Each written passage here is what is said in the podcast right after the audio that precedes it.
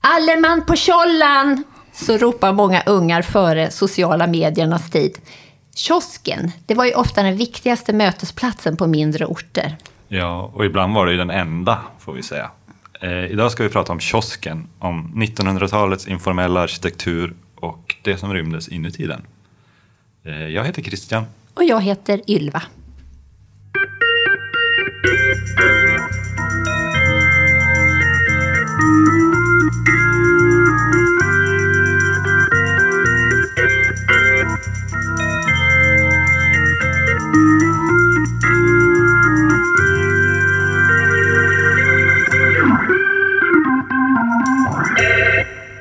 Men kiosken, här börjar ju lördagsgodiset. Här fanns korven med bröd och en pucko till det. Här fanns kvällstidningen och glassen. Alltså det är ju en liten, ett litet hus för det goda livet. Ja, för oavsett hur oansenlig byn eller torget eller vad det är var så fanns ju där en kiosk en gång i tiden. Mm. Men vi kanske ska ta det lite från början. Ja, och så kan vi prata om det här speciella med att köpa lördagsgodis. Ja, det var inte riktigt det jag menade, men vi kommer dit. Eh, det var ju inte godiset som gjorde att kioskerna dök upp. Nähä. Det var faktiskt tidningarna som fick det att verkligen ta fart. Och tillsammans med utställningar. Okej, men berätta. Året var 1903. Då, då kom den första tidningskiosken. Den öppnades på Hamnplan i centrala Helsingborg, precis utanför järnvägens område där. Eh, här skulle det också hållas en stor sån här utställning på sommaren som var vanligt på den tiden. Och på sådana hade det funnits kiosker kan man säga sedan sent 1800-tal för ja, men lite olika försäljning av biljetter till olika attraktioner. Kanske lite vatten, en chokladbit för att hålla blodsockret i schack. Ja, men det är bra. Men tidningar och utställningar i symbios alltså. Och nära stationen som var ju platsen dit tidningarna kom. Ja, precis. För när järnvägsnätet byggdes ut så blir ju stationernas väntsalar också allt viktigare som mötesplatser. Det har vi pratat om i ett tidigare avsnitt. Eh, och här tar ju försäljningen av lösnummer fart på allvar. Och en vass försäljare lyckas övertala ledningen att bygga kiosker som människor lätt hittar till. Och bara fem år senare, då fanns det tidningskiosker på ett hundratals järnvägsstationer. Oj, bra övertalningskampanj där kan man säga. Ja. Och det kan man säga hänger ju också ihop med att kioskerna till skillnad mot vanliga butiker fick ha öppet hur länge de ville. Så de hade ju en rejäl konkurrensfördel. Ja, det får vi säga. Mm. Men åter till den här första kiosken. Visst hade den en speciell form? Ja, Men lite kanske. Den var åttakantig, nästan 10 meter hög och såg ut som en slags sån här klocktorn. Du kan se i Italien, en sån här campanil. Mm, Och så var det mycket sån här lullull på taket. det, ja, så får vi säga. och så hade den en minimal försäljningslucka. Men den här skulle då ingen missa. Och såna här byggdes faktiskt också i Göteborg. Eh, för den här första har jag hört att uppvärmningen i den här lilla kiosken då, så hade kioskbiträdet, hon fick klara sig på bara en fotogenlampa. Så huvva så kallt. Ja, men det var något det bekvämaste att stå där hela dagarna. Men det var ju en annan specialitet som kom i kiosken. Ja, vadå? Förutom att handla via lucka? Ja, och det är den här speciella kassalådan med runda träskålar för alla myntslag. Den blev faktiskt prototypen för i stort sett alla kiosker under följande 70 år. Wow. Eh, för kioskerna var ju verkligen ett mecka för småpengar får vi säga. Alltså det mesta var billigt och då blev det, det måste ju ha blivit mycket mynt att hålla koll på, tänker jag. Ja. Alltså vi pratar ju också om en tid då det fanns ettöringar, tvåöringar, femöringar, 25-öringar. 50-öringar. Ja, men mycket skrammel var det. Och så snabba på huvudräkning som de här kioskbiträdena blev för att kunna ge tillbaka rätt växel. Ja, ja, vi kan bara säga så här, i Pressbyråns alla kiosker så introducerades ju kassaapparaterna först på 1980-talet. Så före det fick de helt enkelt räkna i huvudet eller på papper, med papper och penna. Och, ja, så. Men då måste vi komma då till lördagsgodiset och kiosken som plats för att öva på färdigheter som hör till vuxenlivet. Alltså jag gillar ju godis, men det är väl inte det vuxnaste vi kan göra att handla det. Nej, men hela grejen med att gå dit med veckopengen i fickan och lämna över den till kioskpersonalen bakom disken. Ja, du tänker så. Och så det här med att knappt räcka upp också. Ja, men precis. Och medan du väljer från det här utbudet av smågodis så får ju personalen bara stå och vänta vänta och vänta och vänta. Ja, det är före plockgodisets eh, snabba kassornas tider. Ja, verkligen. Men alltså man kan säga att du får ju träna på att vara stor. Du får lära dig räkna, eller i alla fall på något sätt grovt uppskatta hur många sega råttor det går på en Dumle Cola eller en plopp. Och så när du kommer hem, då ska du lära dig att hantera frestelsen också. Jaha. Eh, hur länge räcker egentligen en godispåse? Är du en spara eller glufsa? Ja, jag tror det finns två sorter vid den här, just nu i den här studion. Vi lämnar det osagt. Ja, vi säger, ni får gissa vilken. Ja, men det här att förstå att skilja folk från folk också med utgångspunkt från godis. Är det hiss eller diss för kolabönor? Alltså för mig är det nog ett ja, utan vidare känsla på, får jag säga. Okej, linje två alltså. Precis. Okej.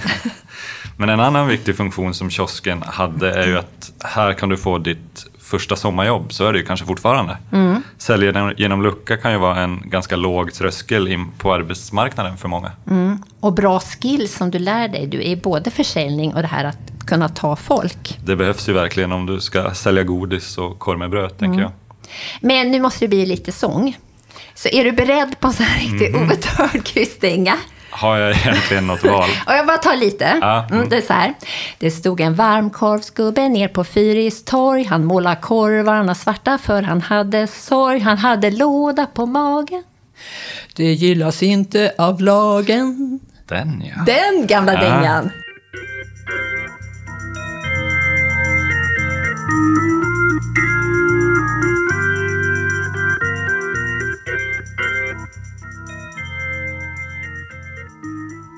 Hälsovårdsnämnden tyckte ju att det var ohygieniskt med låda på mage och därför gick de över till det här med kioskförsäljning.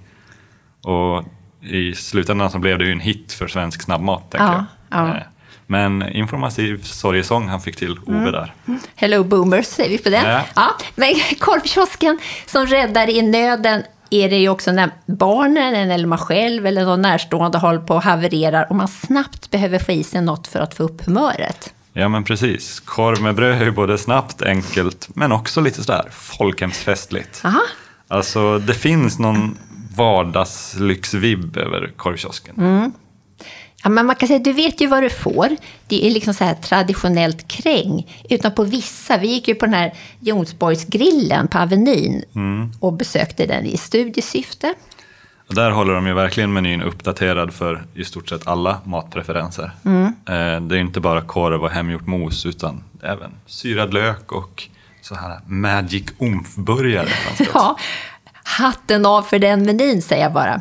Eh, men här kan man säga, Jonsborgsgrillen är ju ett fint exempel på en traditionsrik kiosk i ny kostym.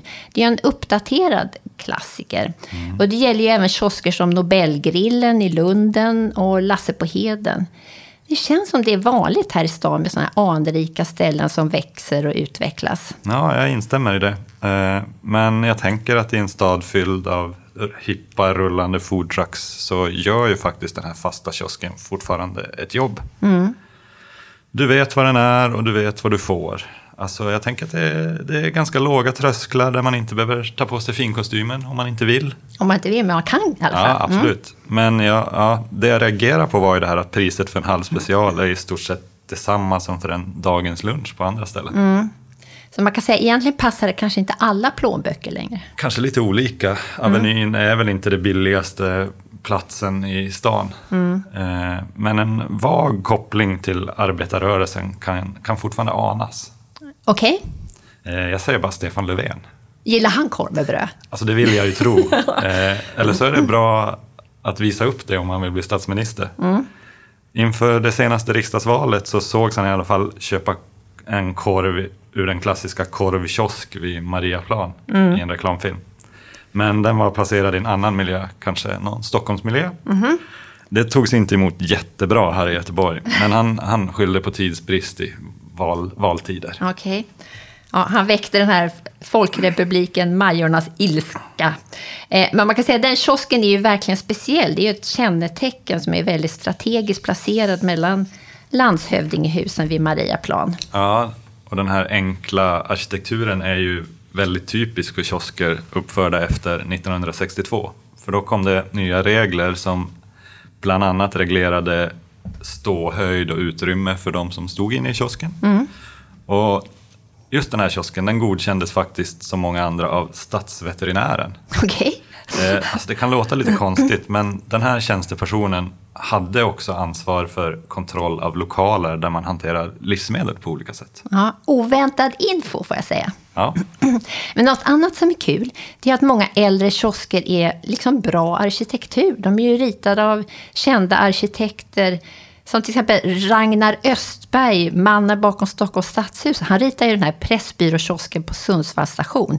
Ganska stor bredd på uppdragen får man säga. ja men det får vi säga. Eh, Men det här hängde väl ihop med att kiosken skulle vara en prydnad där den stod i till exempel då väntsalen på stationen.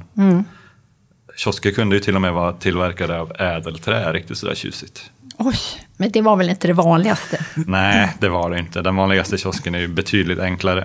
Men eh, helst så ska det i alla fall finnas en ett sånt här utskjutande regnskyddstak.